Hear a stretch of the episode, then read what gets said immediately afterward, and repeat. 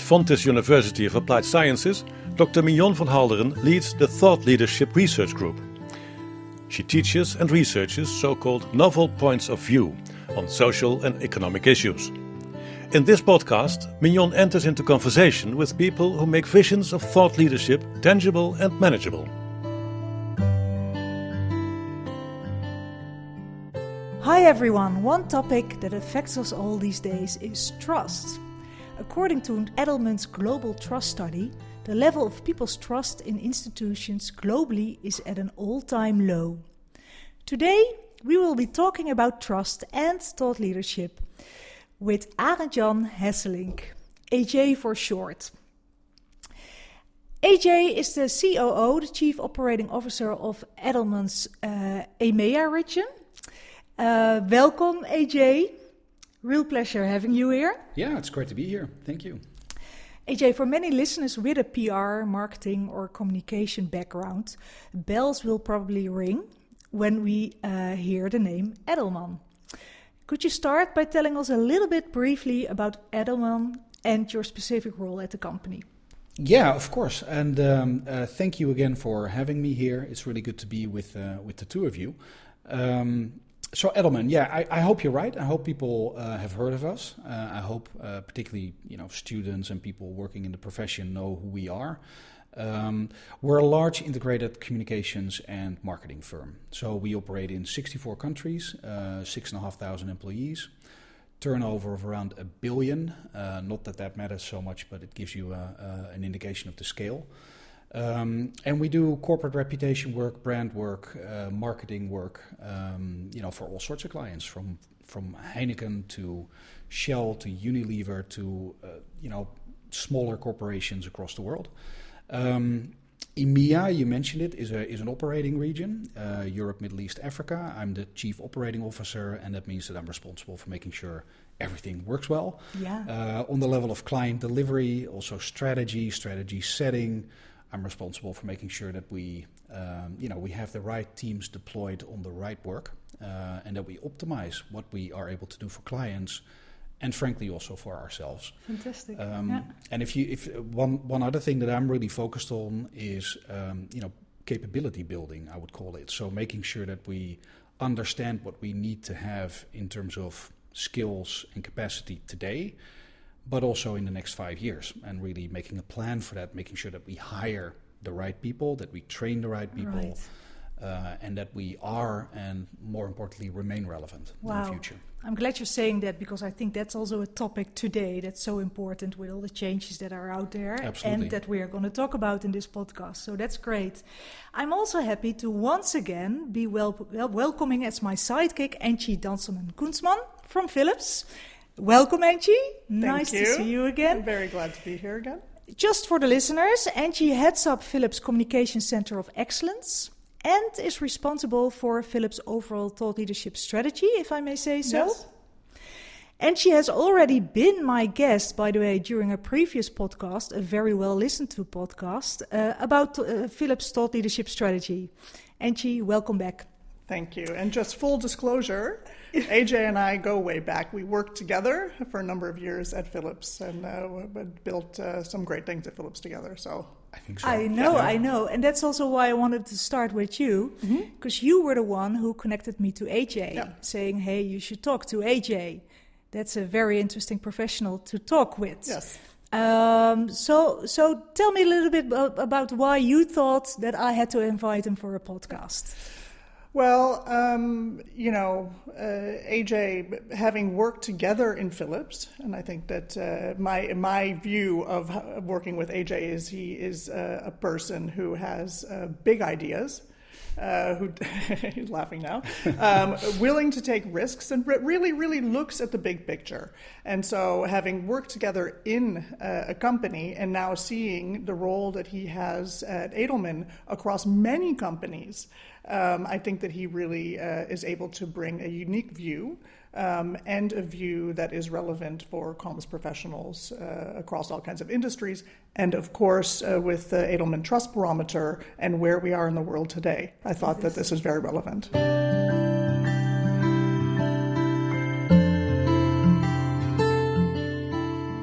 Yeah, so AJ, let's talk about trust. Let's talk about trust. Let's talk about trust. Edelman is well known for its annual trust study, the Trust Barometer. Um, but trust is a timeless theme, on the one hand, but in particular in the modern world today, trust has taken on a particular relevance, I must say. Mm-hmm. According to your study worldwide, we are seeing a loss of trust. Yeah. Could you briefly explain to our listeners just what the trust barometer is in the first place? And also tell us a little bit to start with why Edelman started with investigating trust 20 years ago. Yeah. Maybe start with the second question, right? Mm-hmm. So, why does it matter? It is um, trust, I guess you could call it the grease in the machine, right? Uh, in, in, in human relationships. So, the way we always explain it, there's two components to it. One is it, it is around competence. Do you believe somebody is able to do the right thing, yeah. to deliver, uh, or, or you know, so that yeah, so that's competence. And the other one is more around ethics. Do yeah. you believe that somebody has the intention to do the right thing? These two things really need to go hand in hand. And if if if that either either one of those two doesn't isn't there, or it's out of whack, or the balance is gone, it's very difficult to build a relationship with anyone uh, that you could call a trusting relationship and, and, and a relationship upon which you will get anything meaningful done, right? To, to just keep it very simple. So this stuff really matters. We know that. We know that there's uh, you know a higher pr- propensity to buy from consumers who trust brands. Uh, employees who trust their employer will work harder. They will put more energy and effort into the work that they do. Um, you know, people are frankly just you know more happy and okay living in a country, paying taxes, being part of the system if they trust government in mm-hmm. that country. Um, so you know, it is again, it's the grease for the whole for the whole thing, right? Yeah. For the whole system, for the whole machine. Uh, we've known that for a long time, and this is also why we started studying trust at a much deeper level than just saying, you know, it matters. We really wanted to understand what is it, how does it work, what influences it. Um, and we, we started doing that, you know, decades ago, more than 20 years ago. Mm-hmm. Um, the trust survey has grown; it's gone bigger and bigger and bigger.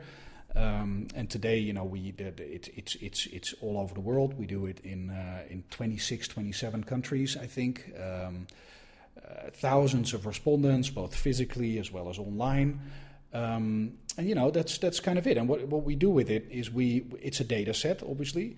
Um, we use it to counsel clients first and foremost. So we want to make sure that they have access to this data, that they that we can give them as granular an understanding of what the current situation around trust is, how it relates to the past, but then of course tie that to what sort of actions would we recommend them to take? How should they program their marketing, their communications in order to build trust with audiences right. that matter to them most, right? Yeah. And that differs per company, uh, per challenge, per issue, right? A, a, a, B2C focused company would need to focus on completely different things than a B2B focused company. Um, but you know, the data and the survey and the methodology is is is in our view valuable uh, across the board. Hmm. Yeah, I think it's great, but also you guys really had foresight because 20 years ago, trust was still this, this fussy thing. I rem- mm. remember that I was still doing my PhD at Erasmus at that time, and right. we were studying trust in all kinds of academic journals. But the idea of you know having trust as one of your managerial KPIs that right. was really something. Oh no, that's that that's way too fussy, don't yeah, you think, Angie? Uh, no, I do, and I also think that I mean having joined one of the, the, the, annual launches of the Trust Barometer, and this must have been 10, 12 years ago, uh, and where it was then versus mm. where it is now. Um, I think yeah. that the research has really evolved, and of course, the yeah. world has evolved to, to need it even more. Yeah. Uh, but I really see that it's that it's becoming a, a, more strategic and influential piece of work. Yeah, yeah, I would agree with that. Yeah, and and I mean, obviously, we invest a lot in it. We we don't just do it once a year; we do it multiple times a year now that goes a little bit to the point that you make, right? The world has changed. The world is less trusting. It's very fl- everything is fluid, uh, particularly now. Mm. Um, so you know, we feel we can't just throw the big piece of research mm-hmm. out there once a year. We need to do it multiple times a year, also for clients, right? We also do the survey on a client level, so yeah. a client brand level. Um, yeah, I mean, you know, on the one hand, help them make sense of it. Um, Yeah. At the same time, really counsel them in the right way to build trust where it matters. Yeah, fantastic. Let's go to this year and the outcomes of Yeah. your study this year, because this was an interesting year the year of COVID 19, the year of fake news, of fake information, of growing concerns when it comes to climate change, racism, and so Yeah. on. And this year, in your results, you, you, you show that leaders are becoming ever less trusted, Yeah. particularly for organizations, and I think also for many clients. That, that really has implications, yeah? that loss of trust. Um, what your study is showing that uh, we have less and less trust in leaders, whether these are governmental leaders, religious leaders, business leaders, or media leaders. What advice can you give a PR or a, or a communication person uh, that is working for an organization uh, about how to respond in these times when your trust is so low? Yeah. Trust of your organization? I mean, you know, it's a, it's a great question. It's a it's a broad question, so I could take it in all sorts of direct. Maybe is it worth just talking a little bit about what we found? Because Yeah. I'm I'm not just here with the research Sure. that we launched in January. I'm also here today with the research that we actually published last week, which was this, the the the spring Yeah. update, uh, which I just mentioned that right. We do Yeah. it multiple times a year now.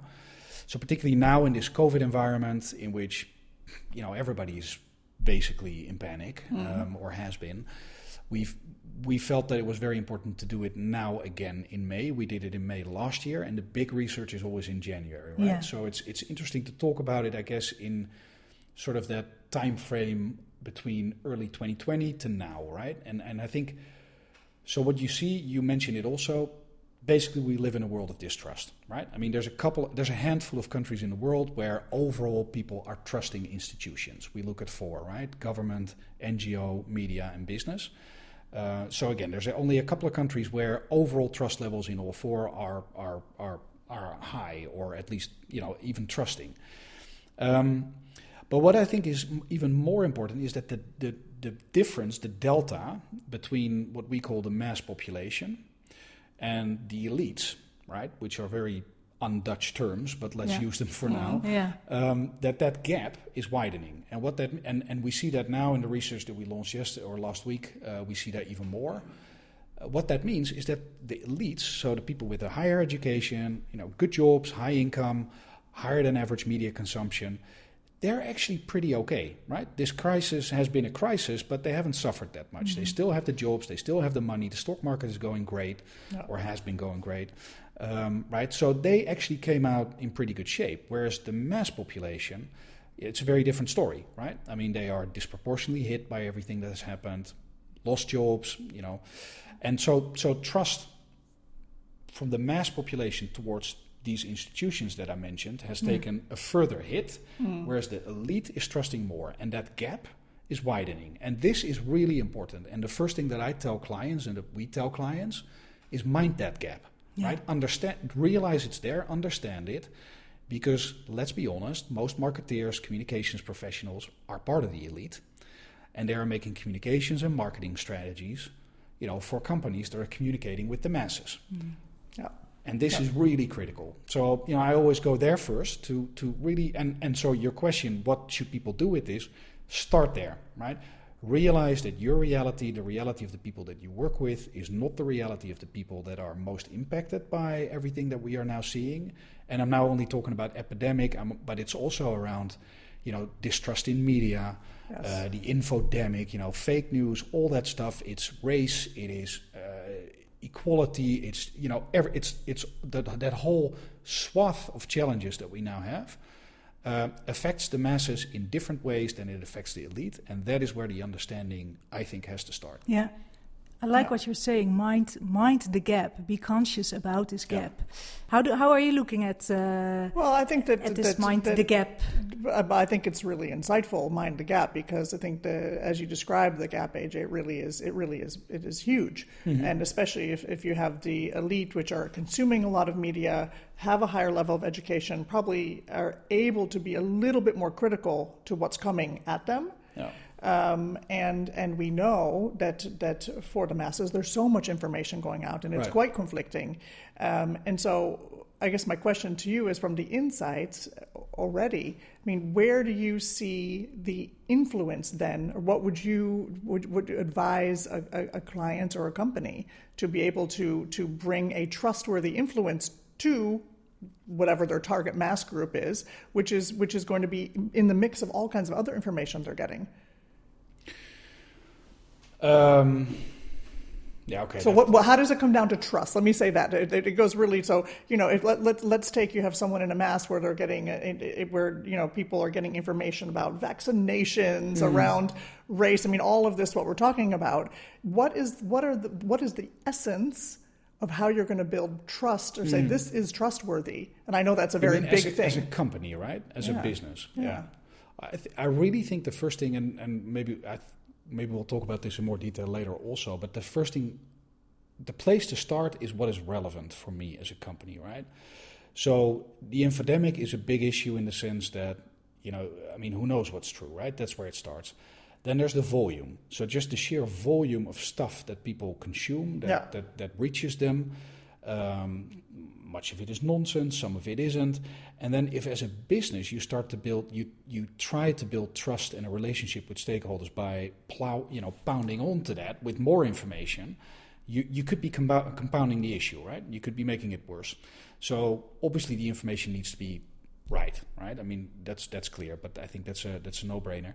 But then I think it's super important that it is actually relevant to you as a company, right? So you work for Philips. I think you guys do a really good job at that. You don't throw out a bunch of content around, um, you know, undifferentiating societal topics. You try to focus on what matters to you and where you have an influence, right? And, and, and we're actually going exactly through this process, right? So what right. are the big societal issues? What are the ones that we have a sort of right to play that touch our company right. that we should have a, a, a, point of view on right. and therefore which ones do we respond to proactively reactively et cetera but i think a lot of companies are doing exactly this process just mm-hmm. building this up in this last half year and, year and, and they have to and they yeah. it, it's really critical that that is the starting point that there's enough time enough energy enough, mm. enough resource put into that process because if you're sitting there getting all this content, right, you're confused as it is because half of it is untrue or just malicious, just bad, right, just just incredibly incendiary stuff. Um, getting content from a company that is actually not relevant to you, but it's also not credible that they can actually do something around the topic that they are talking to you about, fuels distrust rather than trust, right? Indeed. Because it's just stuff. And yeah.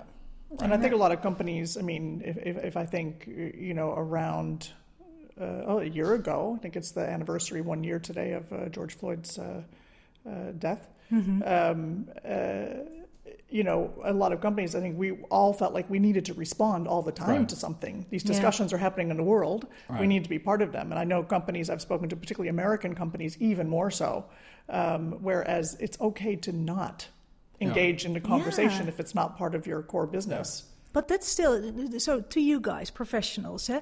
Shouldn't it always be like that? You know that that you just be very careful on the teams that you, that you Yes, that, that but, fit but your organization. I think there are. I mean, last year I remember the moment where there was Blackout Tuesday, hmm. and then every company, what are we going to do? Are we yeah. going to do something with Blackout Tuesday? Now, first question is, are you actually able to shut everything off? Well, maybe not that easy, um, but you know, again, and we did it, but probably the next day I thought, you know, we said a statement. It's what we believe. We mm-hmm. believe in, in equity. We do mm-hmm. believe in this.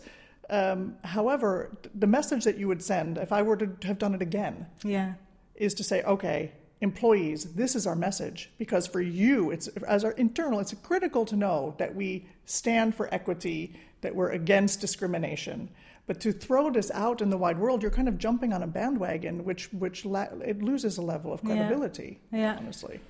Yeah, but but I I mean, in a way, I get it, right? Because I mean, the, that look, the dynamic now is business is the only trusted institution. Exactly. Right? Um, so this is this is what we know.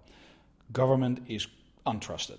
Um, they were trusted last year around this time in the mid, when the pandemic started because we were all looking to them to sort it out, right? Now, I think, okay, I need to be careful. My personal opinion doesn't shine through too much, but you know, like in that set, but but you know, after a year of sort of not delivering on that expectation that they would sort it out, that trust is now gone, untrusted. So business is the only trusted institution. A CEO is the most trusted spokesperson that you could look at outside of a normal employee. Hmm. So as you, you, know, you're you're Angie, you're, you're, sitting in a business, you're running a business, a comms function. you need to do something with that, right? With that that trust that is sort of being put with you as a last resort. Yeah um, by people who are basically giving giving up trust on all other institutions, right? Mm-hmm. Um, and so I get it. I, I totally get the pressure to you know we need to do something with this, with this, with this. What I would say is make sure you've done the work around mapping which themes, which topics are truly relevant for you as a company, and some of them supersede your company, right? Climate. Uh, equity, equality, race, they all supersede whatever your business agenda is. Um, but you know, make sure that you've mapped out where you want to be positioned on and position yourself on, and then build a system to do that effectively. And I think, and this is where you've done a lot of work, right? you can't have people who never engage with that type of stuff all of a sudden be engaging because it'll go wrong, right? Well, also because all of these topics are very emotional. Yeah. So even the comms people you know, and everyone else in the company, they're feeling emotion. They yeah. want to respond. They want to do something because even as you know, people in business, we are in business, right. but we are also just humans. Yeah, that's right.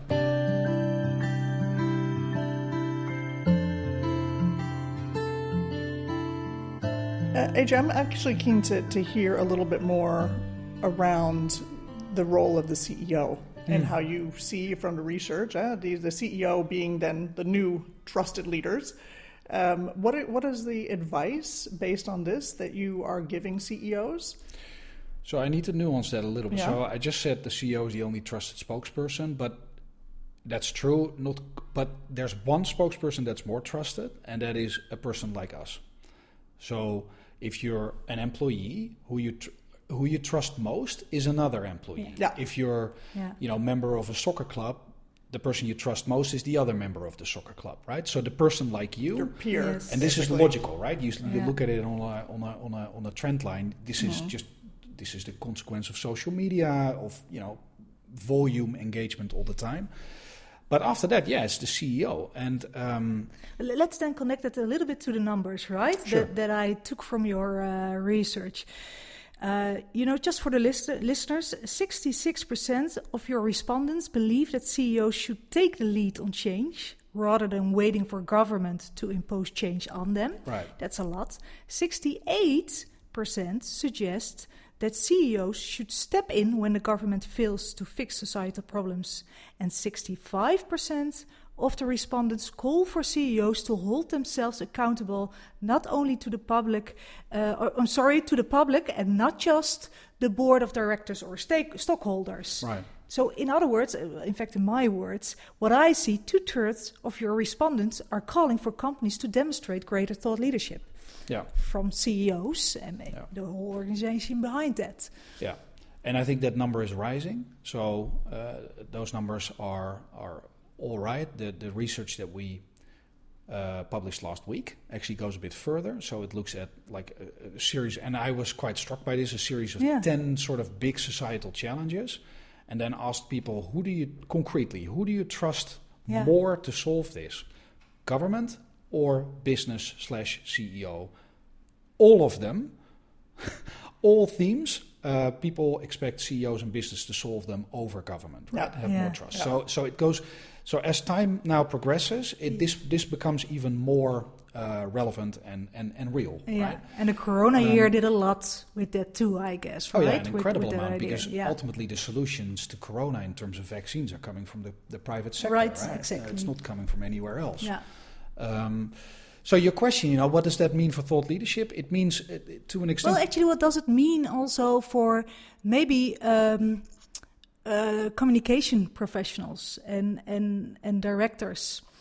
Yeah.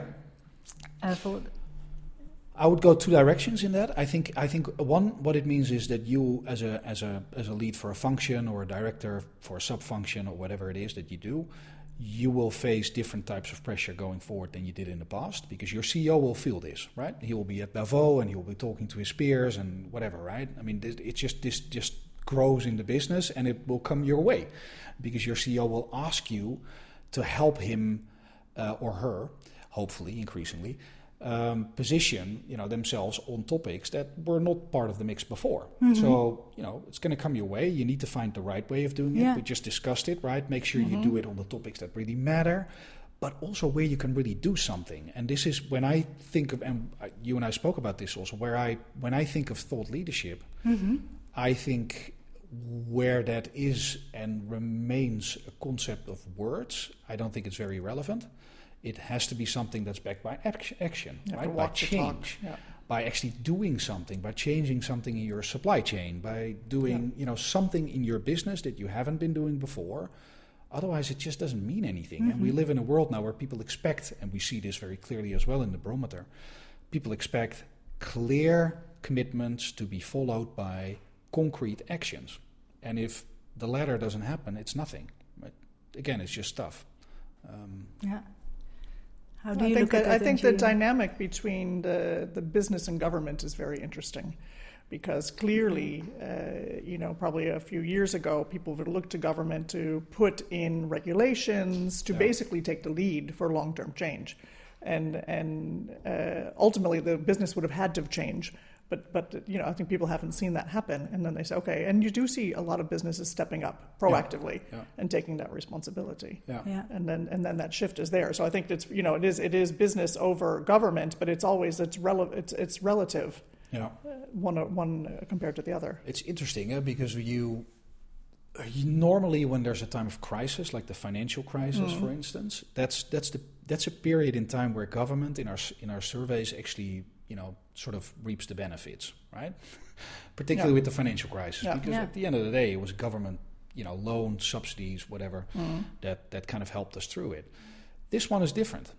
It started that way, um, where government got a lot of the credit and a lot of the trust for finding uh, the right way through everything, but it's gone, right? Um, and I find that a really remarkable dynamic in this crisis, actually. Yeah.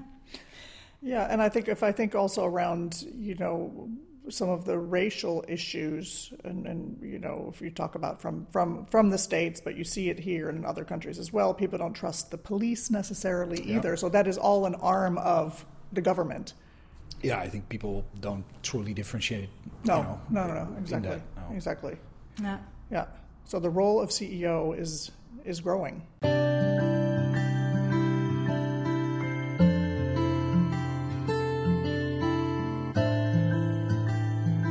That also means, I guess, that we have to rethink the role of the communication professional. Uh, does the communication professional need different kind of skills than five years ago, for instance?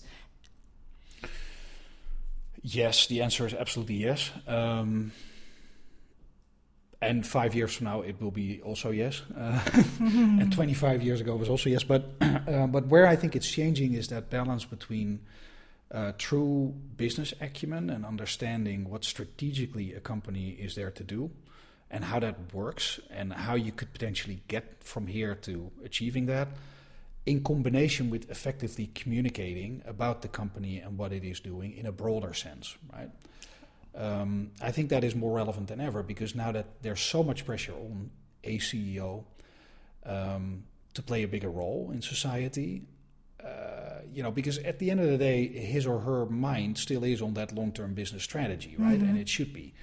Um, so, y as a communications profession, you're going to get more exposed to that. You need to be relevant to him or her in a different way, in a in an integrated way between that in-house strategic imperative in combination with positioning the company in an effective way externally. And I think that's growing, right? Yeah. So being able to synth- synthesize that effectively is more important than ever. Yeah. I think. I mean, Yeah. is that what you're, Yeah, what you're I, facing? absolutely. I mean, I think it was, you know, it was much more around how you position your industry Yeah. with. Uh, with your customers, uh, with with with shareholders, etc. But now it's really how do you position your industry in society? Yeah. Yeah. It is a much broader view on you know who are you. Yeah, in some ways, it's right. actually it, it almost simplifies it actually because who Yeah. who who are you as a company? What do you stand for? Yeah. Um, and and I think the companies that will be able to do it best are the ones that have a really clear purpose uh, and who are able to really come come really full center. Yeah, yeah. yeah. But listen, now we're talking a lot about, about what is expected from CEOs. You know, in mm-hmm. in the eyes of mm-hmm. respondents of a big study that you guys did. Um, but do you also have an idea or an insight into how that is shifting among CEOs or leaders of organizations themselves? You know, do we see more CEOs or leaders who have this broader view, eh? also this societal view. I, I, mean, we, we can mention a couple of them eh? here in the Netherlands. Uh, Paul Polman was a, a, a, really a CEO who wanted to drive change. Yeah. Feike Sijbesma, I'm sure you, you, have got some names in in, in your well, mind I'll as well. I'll throw Frans van Houten in the mix. Yeah, yeah. no, but uh, absolutely, sure. yeah, absolutely. I mean, and we we we we launched last year our our, our, our relaunched basically our purpose our ESG commitments, yeah. um, uh, and very strong. And it is um, it is it is absolutely owned and driven by our yeah. CEO. It is, yeah. yeah. So, so he really carries that purpose Absolutely. with him as a person. Absolutely. How do you see that among clients, and uh, or, or, maybe not even among clients, but you know, is is there a shift in types of CEOs that we still are going to get, or do you see that already? Yeah, no, absolutely. I think the uh, sort of the CEO autocrat mm. um, you know, is is that's over, right? I mean, you, yeah, that that that's just. Uh, look, there, there. I guess there was a time where a CEO was an archetype, right? Um, it's, you know, a very clinical, sort of process-oriented, well, not process, process and strategy-oriented mm-hmm. senior individual, uh, leading through the application of, of hard power, right? I think that's that's really sort of that's kind of over. Um, mm-hmm and so yeah, no, you're seeing you're seeing different types and and and and and characters um, rise. Uh, what I think is important, I was I was listening to how you put the question around Unilever and DS, DSM. What I think is important with those two actually is that the successors of the ones that you mentioned are carrying the torch forward. And I think this is yeah. what matters, right? Because mm-hmm. the CEO sits there for four years, eight years, maybe longer if he or she is lucky but then, you know, somebody else comes. And I think when you think about really recalibrating the position of a company in society, that's not a four, eight year game. That's something that stretches out much longer. So I think the successful ones are the ones that are able to, to, to, to, you know, to get to articulate things well, to define things well, to get the company and all the employees in the, moving in the right direction, get them committed to it, but then stay on it, right? Yeah. So it becomes a, it's really carried by the company, exactly, yeah. regardless yeah. of the CEO that's leading. It has to be right. It has to it has to be the company that matters, not the person that's running it that matters. Exactly. And this is this is I think really uh, this is a very important, and this is what builds trust, right? Yeah. yeah. Uh, when people see that it, it is beyond one person and it's not through the application of power down, um, but it's something that's completely horizontal and is actually sort of like unsensitive when it in time. Um, that's where yeah. people start believing it's real. Yeah. Now I'm starting to think about the difference then with government, when in fact there it is really very much carried on the individual. Maybe in a, in a short in a shorter time frame. Yeah, yeah. Well, I mean, and plus governments also operate on a four-year horizon typically, and yeah. then everything changes, right? Yeah. Um, yeah. And that doesn't. And uh, the, these big societal issues take much longer to address. Yeah. Yeah. Exactly. And that's but, also but the. That's I like what you're saying, AJ. Yeah, because that's really a mind shift. Yeah. As well.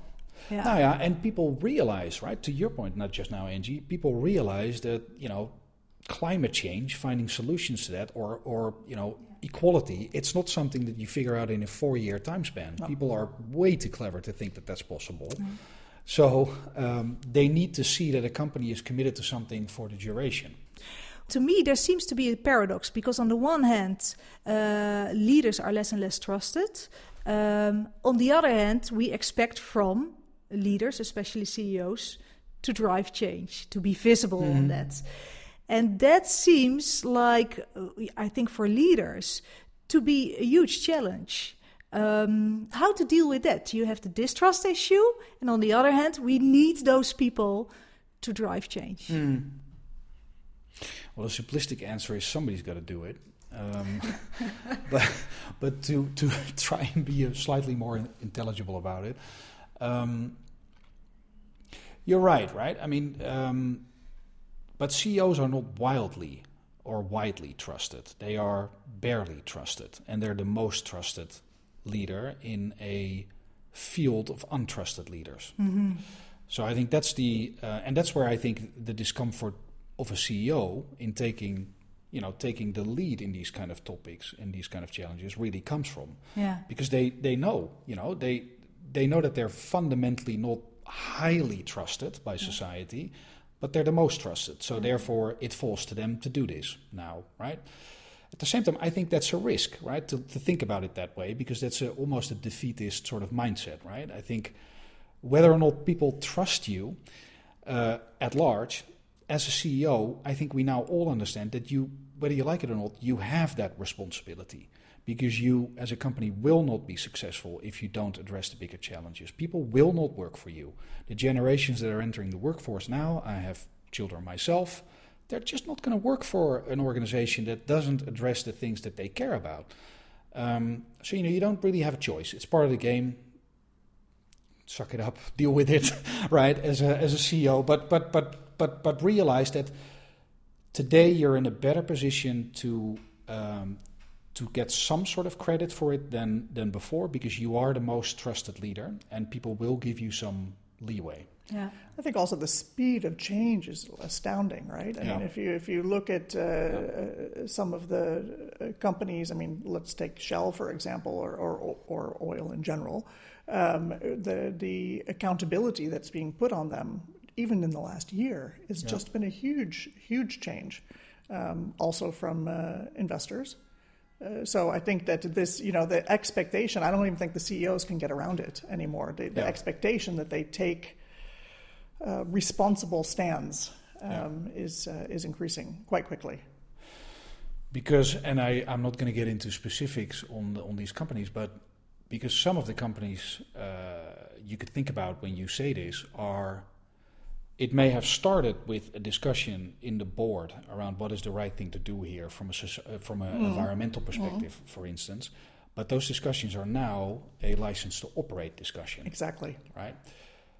So what's on what's at stake has grown has has increased considerably in a in a very short time frame.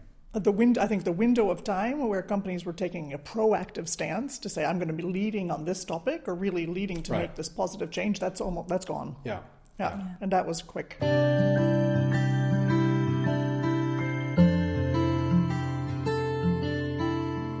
As well as the trust barometer, your company, Edelman, also publish publishes another interesting study together with LinkedIn. I must say, eh? uh, the Thought Leadership Impact Study. Yeah. Am I right? Yeah, you, yeah, we do. Um, and although this study is perhaps more focused on the B2B market, it does reveal a number of interesting facts that relate to our discussion uh, today. Um, because with trust in all sources of information at a record low, your thought leadership impact study makes it clear that decision makers have a real need for trustworthy thought leadership content. And with Right. thought leadership content, I mean that they are actively searching for content, trustworthy, relevant content with u- unique points of views Right. that help them to, uh, yeah, you know, to advance their business problems, their business issues. And that, that's quite interesting. It seems to me that these ele- these elements, um, hey, your trust barometer and uh, the uh, the thought leadership impact study come together, uh, because uh, as a lot of uh, news sources are becoming less and less trustworthy. Um, this seems to be a perfect window of opportunity to say as an organization hey listen if all those sources are becoming less and less trusted but there is a need for business decision makers uh, for trustworthy information that brings them further and businesses ceos businesses are the most the least trusted trusted of them all that looks like a window of opportunity when it comes to sharing thought leadership content Yeah. I can add one, and that is that um, company content is currently more trusted than mainstream media. That's, that's interesting, right? That's very Um, interesting. yeah um, or let's say news media. Let's let's just put them all together. News media. Um, so you're right. There's a whole bunch of things coming together that make company content more important. It was always a great marketing tool in a B2B area. eh, we all know Yeah. that. Um, a radiologist needs information Yeah. about what the what the future of radiology is or what's possible next year, right? Um, but it's becoming more now. It's becoming a place where where people, particularly professionals, you know, actually out of themselves on their own accord go to to find information about subjects, and they trust it more than other sources. Yeah. So I think you're right. Um, you know, it's it's obviously very different than just content, right? We're talking about professional. B two B A lot of research value underlying content. it. We're not talking about you know Instagram content, which is just Exactly. swipe up and down. It's this is this is different. So again, I mean, this goes a bit to the point that we made earlier. If if this is a game that as a company you are in or want to get into, it, it's really important to take it very seriously. You can't, and, and I think you know this better than I do, Angie. You can't just fling out a bunch of um, you know well-intended content because these are professionals that you're Yeah. typically dealing with, and they see right through it. Yeah, uh, yeah, absolutely. I think that there's a there's a role. I mean, that's what we see in a lot of the content. There's a role to to educate, to inspire, Yeah. um, but it is uh, in B two B. It has to be very yeah. It has to have a foundation. Yeah. Very interesting.